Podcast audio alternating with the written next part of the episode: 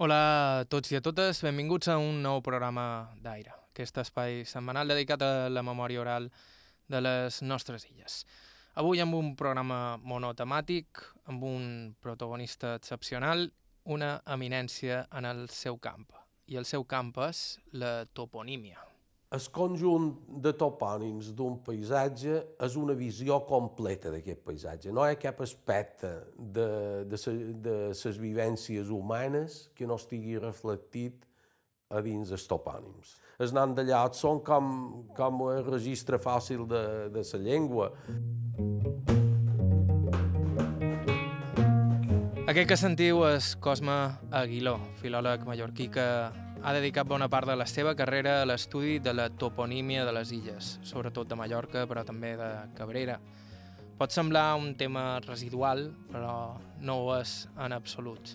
En realitat, la toponímia és com l'ADN d'un poble. Els humans posam nom a les coses i als llocs que ens envolten, però els noms dels llocs que tenen tendència a perdurar fins i tot quan el significat primer que els va donar l'origen ja s'ha esveït i ha estat oblidat.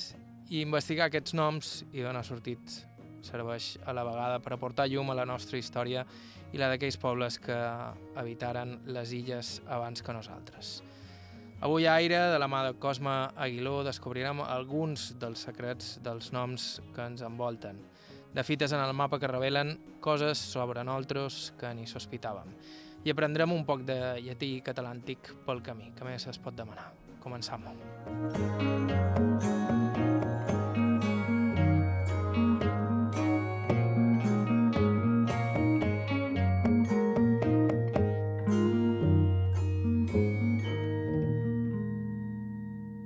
I el de sempre. Primer de tot, les presentacions. Aquesta és Cosme Aguiló. El meu nom és Cosme Aguiló Adrover, de mal nom Gaspar, i vaig néixer dia 1 d'agost de 1950. A Santanyí, sí, a casa meva mare, vull dir, en aquell temps la gent ja naixia a casa seva, no, no naixia a una clínica com ara.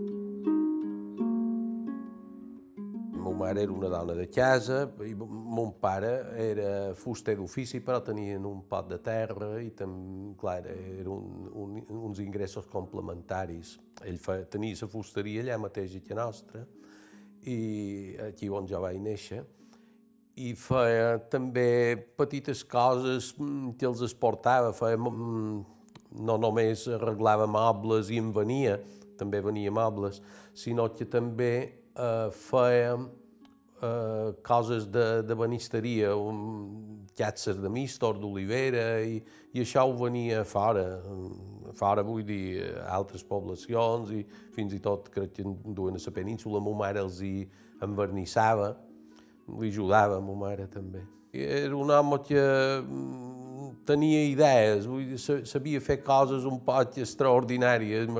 Va fer un, un caixonet que s'obria amb una espècie de secret, encara el tenim, en tenim un parell. I fa, era un home que estava picat un poc per la curiositat, mon pare. A ell li deia que es va pres de, de llegir en, en català de Mallorca, en mallorquí, a les rondaires mallorquines. Va ser el meu inici eh, en el món lingüístic, diguéssim. Penso que en aquell temps jo encara tenc memòria del primer pit que vaig sentir xerrar amb una llengua que no era la meva.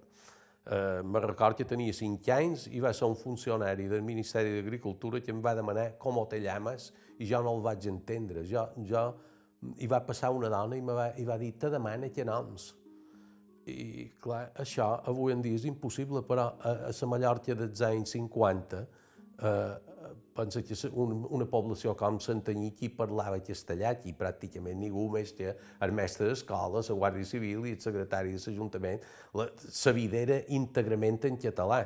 Jo dic sempre que hem conegut eh, la Mallorca medieval, perquè jo ara agafo un inventari d'una possessió del segle XIV o XV, que, que hagin publicat els historiadors, perquè jo els textos d'aquesta època no els sé llegir fins, fins en el segle XV, em, em costa molt. I pràcticament jo sé de què parla, de tot, perquè tots els estris que nomena ja els he vist pràcticament en marxa i, i ara ho llegeix això mateix, un, un que hagi nascut en el Principat, sobretot a àrees urbanes, i no entén res. En canvi, jo sé tot allò que és pràcticament tot. Aquesta insistència en preservar les peculiaritats lingüístiques té un pes especial a llocs com Santanyí, un poc esquerramà de tot. El poble i els nuclis dels Llombards, Salcaria Blanca i Calonja són com una illa dins una illa, amb el seu propi microclima i tot. Santanyí, com, com diu en Mateu Obrador, era un lloc molt terraconet, una Mallorca on les comunicacions eren dolentíssimes. Eh, els quatre extrems de Mallorca, això és eh, Pollença, Andratx, eh, Artà i Santanyí, són llocs que tenen eh, dins eh, la seva parla bastant d'arqueïsmes, bastant de conservadorisme lingüístics. Per què? Perquè eren llocs on feia mal arribar i havia d'anar a posta, no eren llocs de pas, com pugui ser el llai de Camp a Manacor. Uh, eren llocs on havia d'anar el professor uh, i no estàvem un poc aïllats. I, i dins Santanyí mateix, dins el terme que té diversos nuclis de població, Llombàs, per exemple, és una àrea encara més lateral i més arqueitzant que Santanyí i, i podria posar exemples d'aquests quatre extrems que t'he dit, de, de coses que s'hi conserven i que han desaparegut de molt d'altres llocs. Jo he conegut Santanyí sense una gota d'asfalt. Me record quan van asfaltar la plaça, que varen, la varen llaurar. I jo recordo aquell camins de pols que canta Raimon eh, les seves cançons, eh, allà del carrer Blanc de Xàtiva, eh, aquí era també una cosa semblant, és plen de bassals, aquí deien bassal, contràriament a la resta de Mallorca que diu baciat, coincidim amb Barcelona amb això. I, i, i camins plen de bassals. I, i he conegut tots, tots els carrers del poble sense asfaltar. Un poble que conservava uns edificis eh, bellíssims que encara en conserva molt, perquè Santanyí un dels pobles vells de Mallorca, eh, si haguessin conservat tot allò que teníem, avui Santanyí seria una meravella.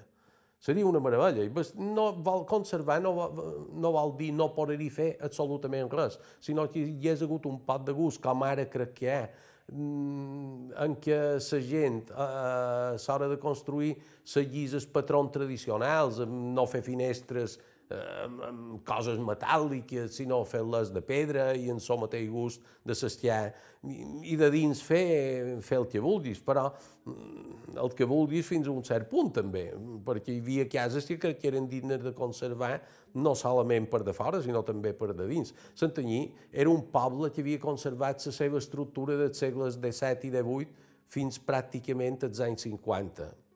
Hi havia molt pocs pecats urbanístics, molt pocs i això s'havia d'haver mantingut. Però, mm, clar, sempre quan ens temem de desvalorar les coses, normalment hem fet tard. I a més a més, en la mà a prop a Santanyí i parlant de les seves peculiaritats, el contraband i la pesca convivien amb l'activitat primordial de la contrada.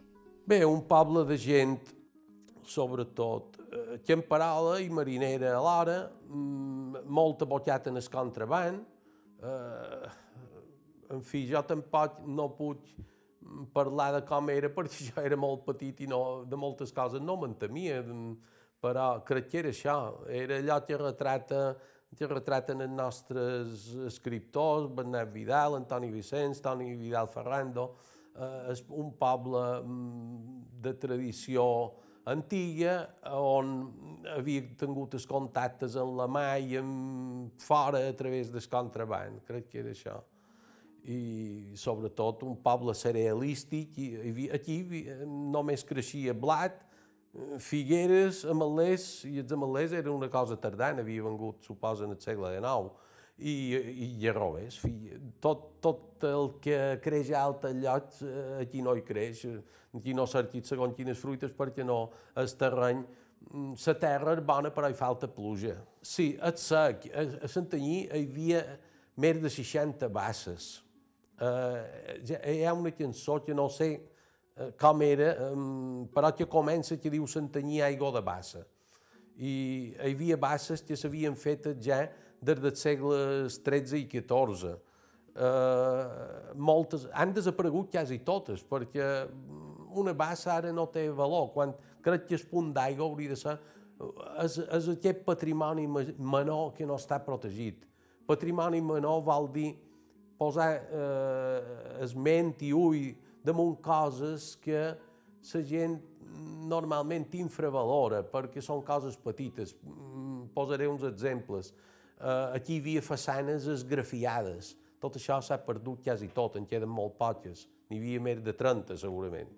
Eh, Pos, per exemple, eh, una cosa que a Santanyí no és abundosa, però que altres pobles de Mallorca sí, eh, aquests eh, testimonis d'accidents que hi solia haver a totes les illes mediterrànies, a Campos en ser uns quants, a Falanich també, a Porreres també, a Pujant a Lluc també n'hi ha, aquestes crevetes en son nom del desaparegut i de l'accident que va tenir. Santanyí n'hi ha una sola, i està molt malmesa perquè els al·lots hi havien picat damunt. Això no obstant, vaig aconseguir llegir-la tota i era de final del segle XIX.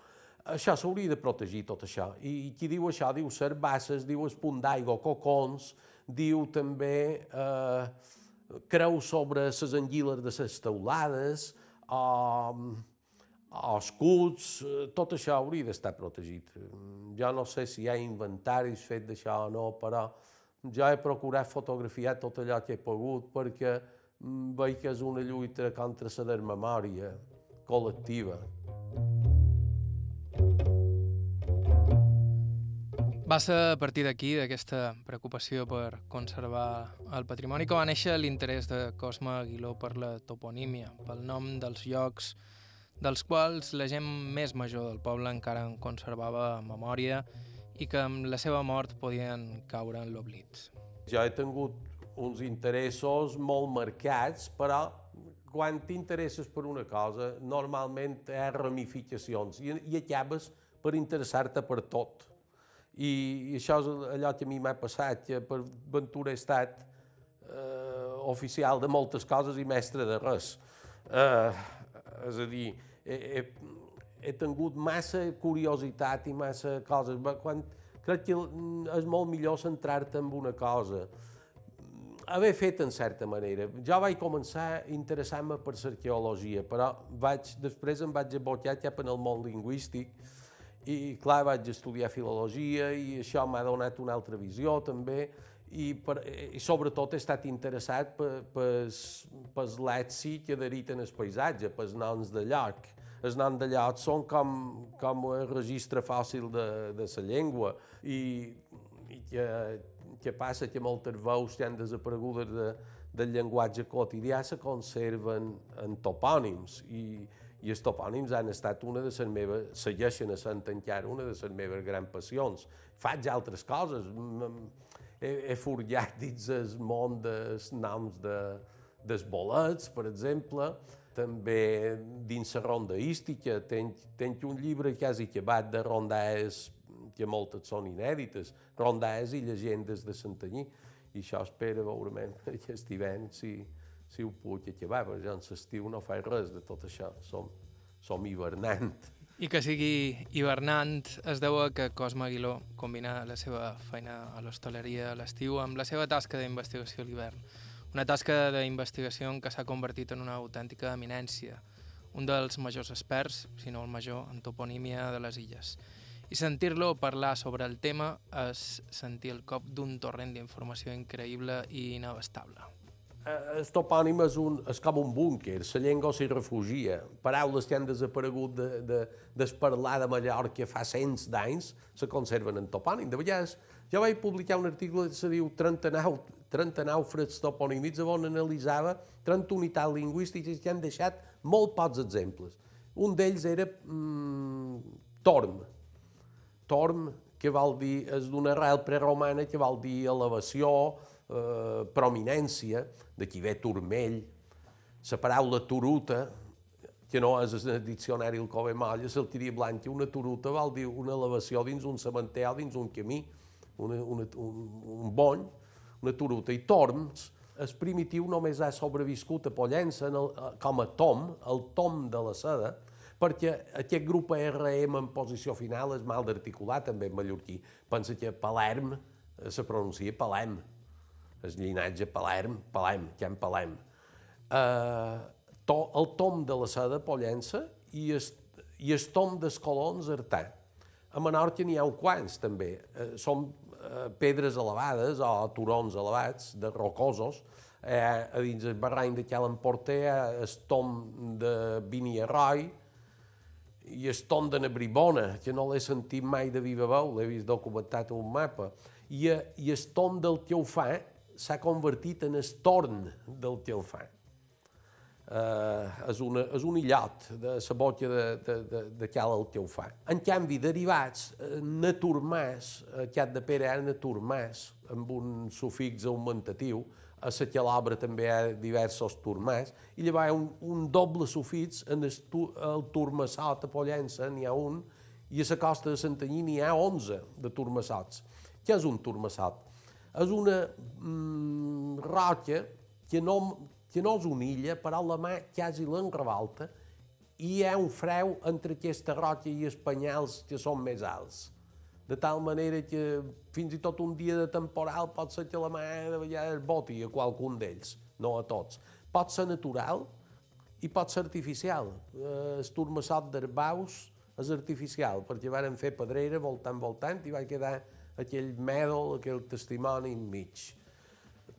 Qui diu torm, diu eh, què, quer, escric quer. Només hi ha un exemple a les Balears, la font d'esquer, Estellens la font d'esquer que està a de, de la mola de l'Esclop.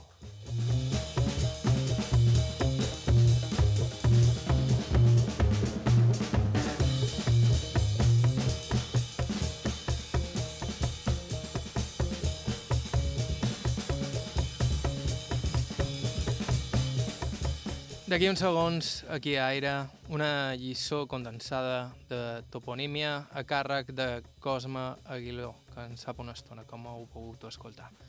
Fem una petita pausa i continuem. Joan Cabot. Aire.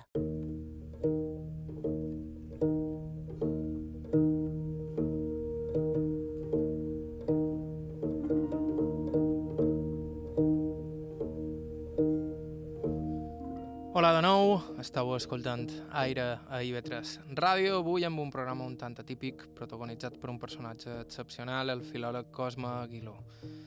Aguiló és expert en toponímia i ja ens explicava a l'inici del programa que el conjunt de topònims d'un paisatge és una visió completa d'aquest paisatge. No hi ha cap aspecte de, de, de les vivències humanes que no estigui reflectit a dins els topònims qualsevol camp. Així que, com vos hem avisat, toca ara una petita lliçó que podríem titular Introducció express a la toponímia de les illes. Cosme Aguiló. Hi haurà dos grans camps, els topònims formats sobre nom de persona i els topònims descriptius. I alguns seran mistos, eh, seran, eh, tindran, participaran de dos camps. Però, mm, clar, els aspectes de, dins la toponímia urbana per, trobarem més eh, noms eh, antroponímics i dins eh, rural trobarem més noms descriptius que ens diuen com és el paisatge. I, i realment conèixer la toponímia d'un país és conèixer sa, no la seva llengua, les seves llengües, les, llengües de tots els pobles que, que han sojornat, perquè, clar, eh, si observem el conjunt de noms de tot eh, un país, trobarem uns noms a la capa, és com una excavació arqueològica. A la capa de dalt hi haurà els noms més moderns, generalment noms espuris, que suplanten altres noms sense necessitat. Això sempre ha passat, però, però ara passa d'una manera descarada. Uh, avui, posar un lloc, les muntanyes verdes, o Sant Grila, o la barbaritat que vulguis, és, és una aberració perquè, perquè suplanta un altre nom legítim que millor pot ser dos segles de vivència. Eh, per tant, és una aberració. Això seria aquesta capa superficial que ha damunt com a de pols, diguéssim, que, que val més de cantar-la i oblidar-la, si podem, si podem. I després hi ha un altre gruix. A Mallorca, el 98 o 99% de topònims a Mallorca i a les Illes Balears són, són topònims catalans, de creació catalana. No vol dir que dins aquest gruix tan potent, d'aquest 98 o 99%, jo no sé el percentatge fins a on s'acosta, però crec que és per aquí. I poden fer segmentacions, perquè hi haurà noms que clarament són noms dels segles XIII i XIV. Generalment se'n poden identificar molts, ja sigui per, per suport de la documentació o perquè eh, transmeten mots que fa estona que han deixat d'usar-se. Ara tenim un, un estudi molt bo de, de, del doctor Bain de Campos i de Maria Àngels Massips, que és eh, l'escripta, que ens dona una idea de, de, de lapse de temps que han tingut certes unitats lingüístiques i poden saber que tal mot és anterior al segle XVII, posem per cas, perquè a partir d'aquella època ja no el trobem documentat. Eh, llavors, eh, a part dels topònims catalans, hi ha un gruix important de toponímia àrab pel que fa a, a macrotopònims, és a dir, topònim de grans finques, de poblacions, eh, un gruix que té una certa importància, però comparat amb allò altre que hem vist ara, de, de la toponímia catalana, és ínfim, és, és, una, una, és comparar eh, el salt d'aigua, de, un salt d'aigua de, de, de, de Llinars, per exemple, de Pollença, en les catarates del, del Niàgara. És, és una cosa ínfima. Però hi ha molt de noms d'època islàmica eh, que són topònims o àrabs o berbers. Per un romanista de vegades és difícil destriar una cosa de l'altra, eh, tot i que en podem tenir una certa idea, hem de confiar un en els arabistes. Uh, malgrat que cadascú dur l'aigua que ha el seu molí. Els arabistes tot ho veuen àrab i els romanistes tot ho veuen romànic. Saber um, trobar un punt d'aquí distància fins a, uh, i veure si una cosa tomba cap a una part o l'altra és un mèrit uh, que el tenen poques persones, o que el tenim i a part dels, dels topònims eh, àrabs, hi ha topònims llatins, més pots, com més endins eh, gratam en aquesta excavació arqueològica, més poques coses trobarem, i llavors topònims preromans, que, que, que encara són més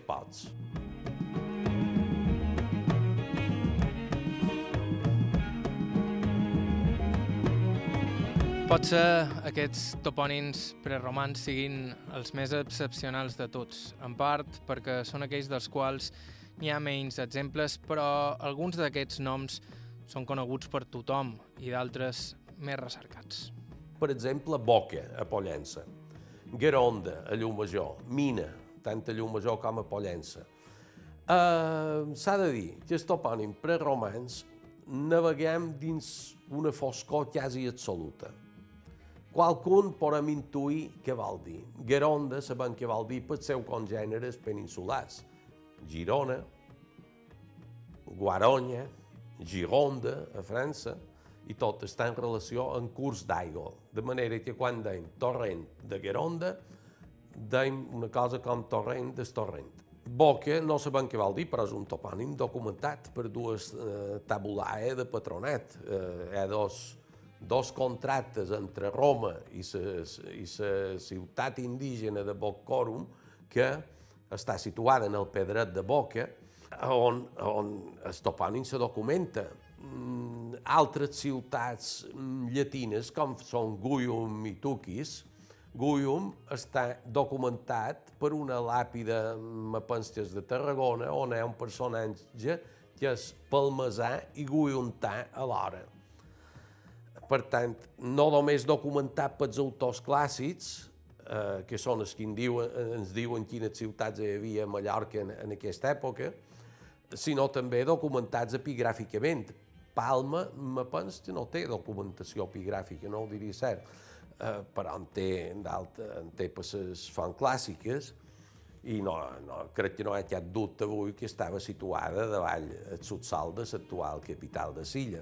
Estan parlant de topònims que han resistit i perviscut milers d'anys, també molts d'origen romà que donen fe de la petjada de l'imperi a les illes.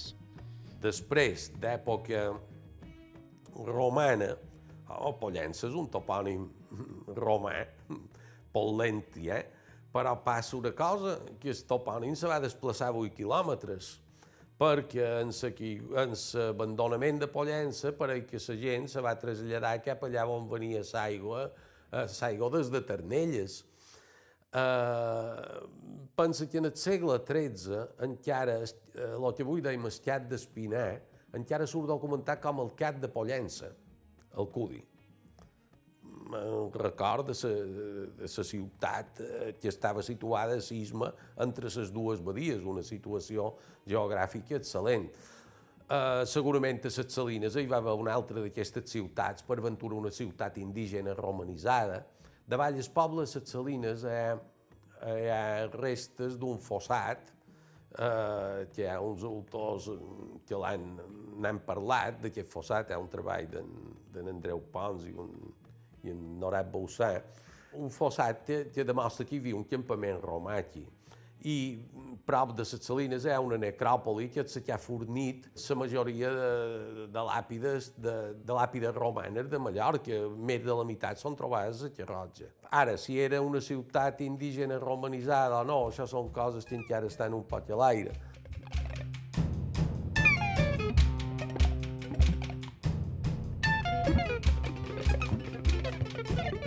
Després de la romana, l'altra gran ocupació de l'illa va ser l'àrab, que també va deixar un bon grapat de rastres toponímics, potser menys dels que et sol pensar. De fet, l'arribada àrab va esquinçar l'evolució d'una llengua romànica de la qual la toponímia en conserva algunes restes fòssils. Si a Mallorca no haguessin vengut els àrabs, avui aquí tindríem una altra llengua romànica diferent del català. D'aquesta llengua en queden traces toponímiques i, i res més. Uh, i, I he intentat sistematitzar un poc com uh, evolucionava aquesta llengua a partir del llatí. Una de les coses que conservava era els acusatius plurals en os. Així tenim, per exemple, campos, uh, campos, o entre campos, que hi havia un, un lloc a les muntanyes de Solla que es deia entre campos, i, i un altre campos mateix allà eh, so final eh, se conservava en posició medial, és a dir, eh, quan porto eh, anava acompanyat d'un complement, aquesta U, que després esdevenia O, porto, eh, se conserva a tres topònims, Porto Colom, Porto Petro i Port, o Porto Petra, com ho deim aquí, i Porto Pi. En canvi, el de Porto Cristo és modern, com altres portos que han sortit per imitació d'aquests. Uh, per tant, primera cosa, Porto Petro, Porto Cristo, Porto Cristo fins i tot malament sigui modern, i Porto Colom i Porto Pi s'ha d'escriure junt, perquè Porto no és cap paraula de la nostra llengua, és d'un altre estadi lingüístic. Uh, campo, quan es venia en posició medial, per exemple, hi ha un lloc a Ariany, el camp d'Ariany, té conservat entre la poca gent ve que encara el recorda d'Ariany, a les voreres del camp encara se conserva el nom que abans era de tot el camp. Abans de dir el camp d'Ariany, se deia el camp Cucruig. I està documentat com a Camp Pocruig. I què va passar aquí? Que se va mal segmentar i Camp Pocruig, en lloc de Campo Cruig, se va fer Camp Pocruig i Pocruig va passar a Pucruig i després a Cucuruig, com Pocoví passa a Pucuví i després Cucuí, són Cucuí. I Camp Pocruig volia dir el camp de la creu, segurament perquè estava fitat amb una creu. Aquí estem d'en Torrella estava, i estem, eh, que a partir de Campos també se diu la creveta en el seu inici. Per tant, estem Cucuruig és un nom d'aquesta època. Estem Roig de Bunyola surt documentat com a Campo Roig. Va passar exactament el mateix, però modernament s'ha mm, catalanitzat, diguem, com a Camp Roig, però antigament era Campo Roi, Rubeu, Campo Rubeu, Roi. Eh, Rubeu havia donat roi, com els cocons rois que hi ha aquí a, a la costa de Porto Petra. D'aquesta època queden bastantes coses més. Alguns topònims hi haurà dubte de si són romànics o no ho són, com Muro. Mm, eh, sempre aquest dubte en determinat topònim. N'hi ha que són molt clars, però n'hi ha que no ho són tant.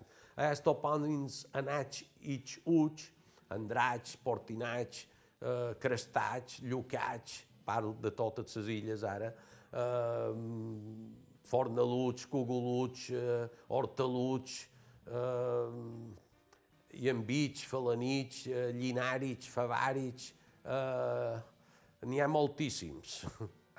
De desapareguts, Aclamenàrig, per exemple, eh, on per aquí hi ha un sufix mm, llatí que era aqueu, iqueu, uqueu, que si hagués eh, evolucionat normalment hauria donat as, is, us, però va donar segurament per mort dels àrabs, els filtres dels àrabs, ach, ich, uch. I una altra de les grans curiositats de la toponímia és l'extrema precisió i detall amb què es donen noms a certes zones, íntimament relacionats, òbviament, amb l'activitat humana. Per exemple, a prop de la mà i a les zones costeres la densitat de noms és quasi milimètrica, un exemple de fins a quin punt era important per a aquells que hi vivien i en vivien. Ui, la toponímia, sobretot a la costa, arriba a un punt d'atomització brutal. A dins la Monia, per exemple, no en són cada dos metres. Oh, se toquen quasi. A Eivissa, en Enric Ribes, que és un gran investigador, ha, ha fet una feina meravellosa de, de recollida de topònims en el litoral. Hi ha una atomització que és increïble com, com cada...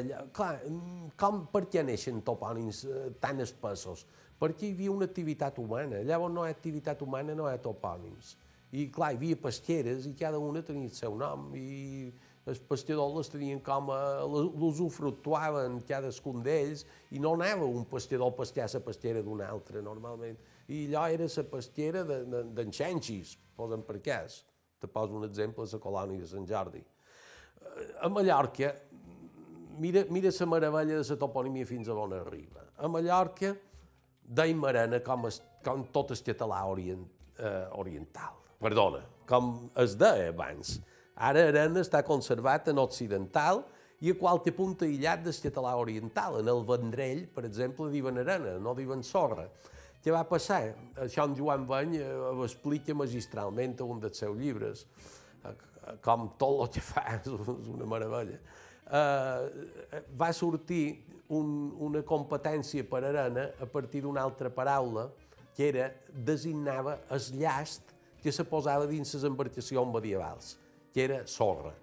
Sorra no era arena, en, en un principi eren pedres com a baldes, a Mallorca ho feien amb baldes, però sorra va arribar a suplantar arena molt de llocs, perquè la sorra que, que utilitzaven per llestar de vegades era grossa, però de vegades també eren pedres més menudes i al final va acabar per designar arena.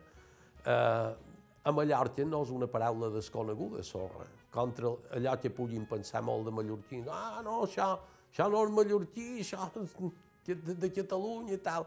Però si, si la llengua és un, és un, fo, un pou sense fons, allò que, que moltes vegades te penses que no s'ha dit mai, que s'ha dit. A la colònia de Sant Jordi hi havia un, uh, un illat que ara no és illa perquè està unit uh, a terra, uh, a sa, aquí on és la llonja, el illot dels frares. I allà hi havia un lloc que se deia la sorra. I el mariner me va dir que mos, un no, més d'un, de, de coloniet, sabien que volia dir sorra, que no sap què és sorra. I jo sempre he dit, no, expliqueu-m'ho. Eh, sorra són pedres grosses. És a dir, que Mallorca han conservat es, a un punt de Mallorca, que és la colònia de Sant Jordi, els mariners conservaven la paraula sorra en el significat primitiu del mot. I com això, moltíssimes coses, que penses, penses que, que no han existit mai i que aquí eh, els mateixos mallorquins desconeixem els parlars. Per això, fent una obra mm, que va, amb en, Antoni Mestre vaig fer un aula lingüístic nom d'ocells. I varen córrer totes les poblacions històriques de les Balears. I quedava sorprès de les coses que se diuen que tu dius però com és possible una illa tan petita? Sí, és parlar, és unitari i divers a la vegada. I això tant a nivell de dialecte com a nivell de llengua. Eh, trobes coses que, que quedes sorprès. El llatí area, per exemple, que va donar era, la paraula era, aquí on batem, ve del llatí àrea, que vol dir això, un, un àrea, un lloc net de vegetació per batre. Uh, àrea va passar a aire i després a eira. I eira encara se conserva en draig. En draig diuen una eira. No, no diuen una era, com a la resta de Mallorca. I això és un arqueïme preciós, mm, digne de conservar. I ja que hem parlat de la zona costera i som a Santanyí, una zona amb certa tradició dins el món del contraband, demana a Cosme Aguiló a veure si també aquesta activitat ha deixat rastre en la toponímia de la costa. Però topònims relacionats amb el contraband, com en els bolets, n'hi ha pocs. Per què? Perquè els bolets tothom té els seus agres gelosos. N'hi ha qualcun, però el contraband passa el mateix. Ningú, els secrets, quan deixen... De, secrets són amalletall de contraband. Quan deixen de ser secrets, mm, sí que poden formar part de, de, de la toponimia de la costa.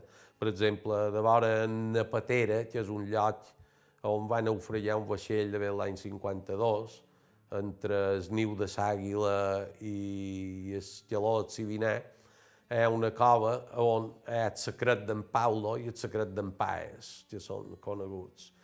El secret d'en Violet també és un altre conegut, i Cabrera per ventura també n'hi ha algun, no sé. Però els secrets normalment no solen tenir nom, perquè són això, secrets. Quan deixen de ser-ho, sí. Estau escoltant Aire a IB3 Ràdio, fem una petita pausa i continuem. Joan Cabot, Aire.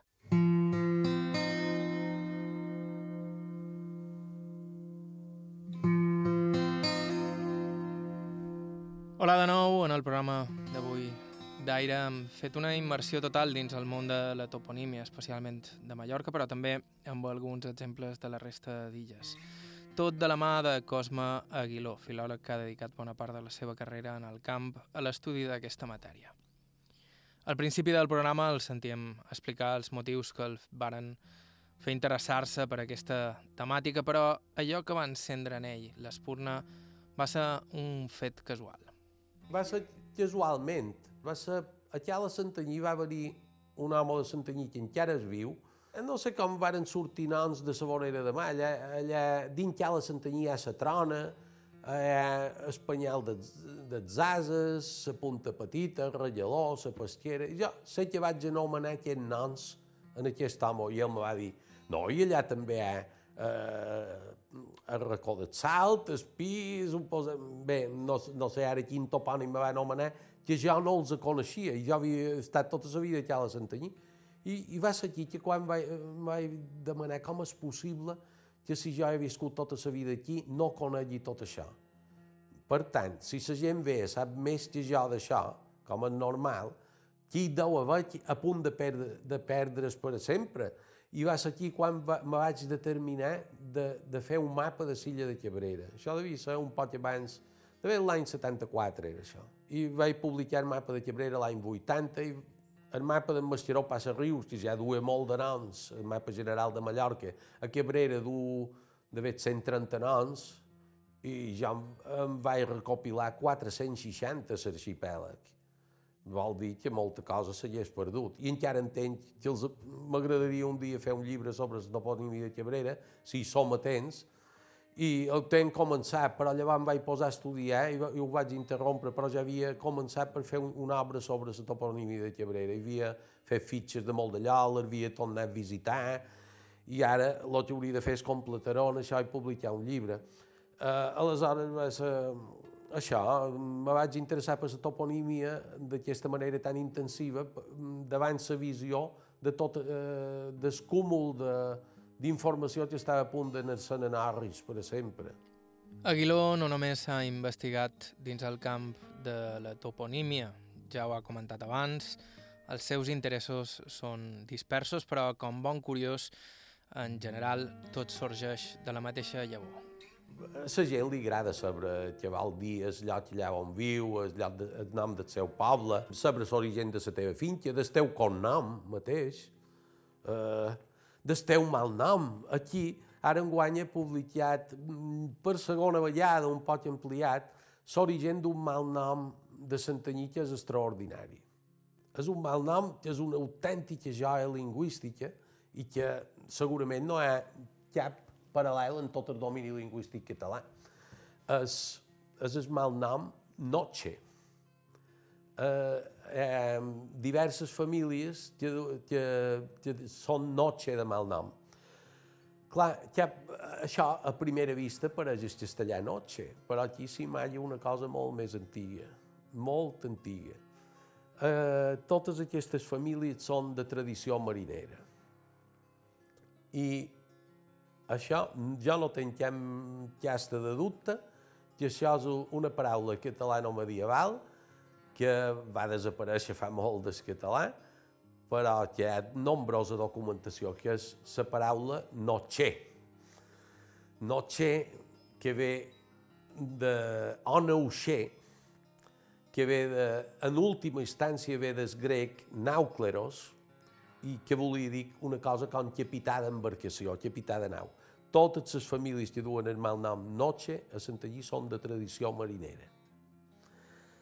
Eh, en Joan Bany m'ha donat la raó amb això en diverses ocasions i ha establert eh, un, un punt de transmissió per aquesta paraula que no, no seria venguda directament del grec, sinó que hauria passat per genovès una de tantes paraules relacionades amb la mà que devem en, en els contactes en Gènova. Malgrat que fossin els nostres enemics seculars, genovesos, pisans i venecians, tota aquesta gent de per, de per lo que era Itàlia. Era això, el grec. Eh, el, el capità de nau, que també era el qui posava ordre damunt les eh, embarcacions, que tot, tot estàs situat en el lloc que li corresponia, era el nauxer. I d'aquí ve Noche. El més interessant, potser, és el procés d'investigació mateix. De quina manera els estudiosos poden determinar que tal expressió té el seu origen en tal paraula o que el nom d'aquell lloc en concret vol dir allò altre? Quan investiguem l'origen d'una paraula, taula, tenim dues coses. Tenim el significant i el significat. Tenim la paraula, taula, i tenim el referent. En toponímia tenim el referent, però a on és? El Badaluc què és? Aquesta casa, aquesta penya, aquest, aquest conradís, aquest torrent? Què és un Badaluc? I no queda més remei que anar a veure'ls a tots i veure què tenen en comú. I aquí llavors pots començar a gratar amb una certa seguretat. És a dir, identificar el punt embrionari del topònim, perquè hi ha topònims que s'expandeixen llavors i no saps on ha començat el nom. I quan s'expandeixen, normalment se perd el significat i se, i se cerca un nom nou per, so, per punt embrionari i sol ser tautològic, sol ser una repetició. L'exemple clàssic, per jo, que, que, que l'he tret moltes vegades, és la roca d'Escòtil, a Porreres a Porreres hi ha una roca que és la roca d'Escòtil, perquè Escòtil és tot els voltants. Va passar que la roca antigament se deia Escòtil, que ve de còtulu, que vol, derivat de coscotis, que vol dir pedra, roca. Còtulus, còtalus, va donar còtel i després còtil. I, i era la roca. Però se va perdre el significat i el nom se va expandir. Tota aquella zona va començar a ser escòtil. On tens la vinya? En escòtil. I ningú ja sabia que que el còtil era la pedra. Però llavors torna a haver la necessitat de batejar la pedra. I què passa? Quan allò és una coscotis vol dir roca, i allò és una roca, i saben que allà és escòtil, allò és la roca d'escòtil. El pontàs de Santanyí mateix, el pontàs també és el sarc, però hi ha unes finques que se diuen el pontàs de vora sarc i un mariner me deia, no, els pontàs, no, no, això és sarc dels pontàs, els pontàs és en terra. Això ah, només ha passat en boca d'un mariner, però a molt d'allà passa i, i, i arriba eh, expandir 70 i a de 70 el punt embrionari, sempre la modificació se fa damunt el punt embrionari. D'això n'hi ha molts d'exemples.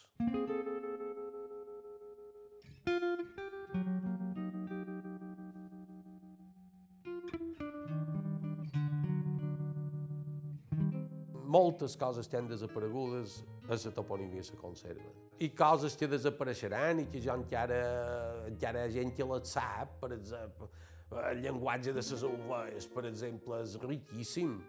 Avui aquí és, demanem a un, a un infant no ja de ciutat, de poble, menys que és una bassiva, ningú ja ho sap, pot que és un tangral o una primolona. Una bassiva era l'ovella que no, que no, no criava la plata de ser passives, de Sant de Nusès, clar, tot això queda la toponímia, també. I abans d'acabar, una advertència. He de dir una cosa, tots els que feien toponímia, tots, absolutament tots, i fins i tot en més sabut com el mestre Coromines, mos equivoquem. Per tant, un toponimista, primera condició que ha de tenir és una dosi d'humilitat a prova de foc, perquè allò que avui veus d'una manera, demà, a la vista d'un document nou, el pot veure d'una altra.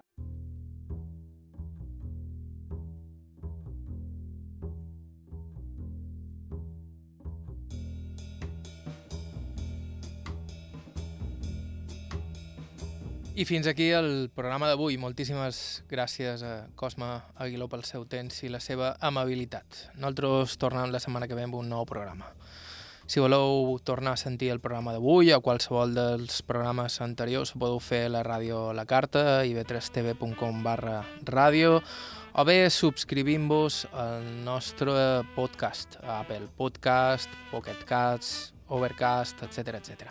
Si teniu propostes, suggeriments o us voleu posar en contacte amb nosaltres per qualsevol cosa, ens podeu escriure a aire.ivetresradio.com i també ens podeu seguir a Facebook, Aire Ivetres, i Instagram, aire barra baixa Ivetres. Bàrbara Ferrer i Margalida Mateu a la producció executiva, Lluís Menéndez i Miqui Fiol a la producció tècnica, vos ha parlat Joan Cabot, fins la setmana que ve.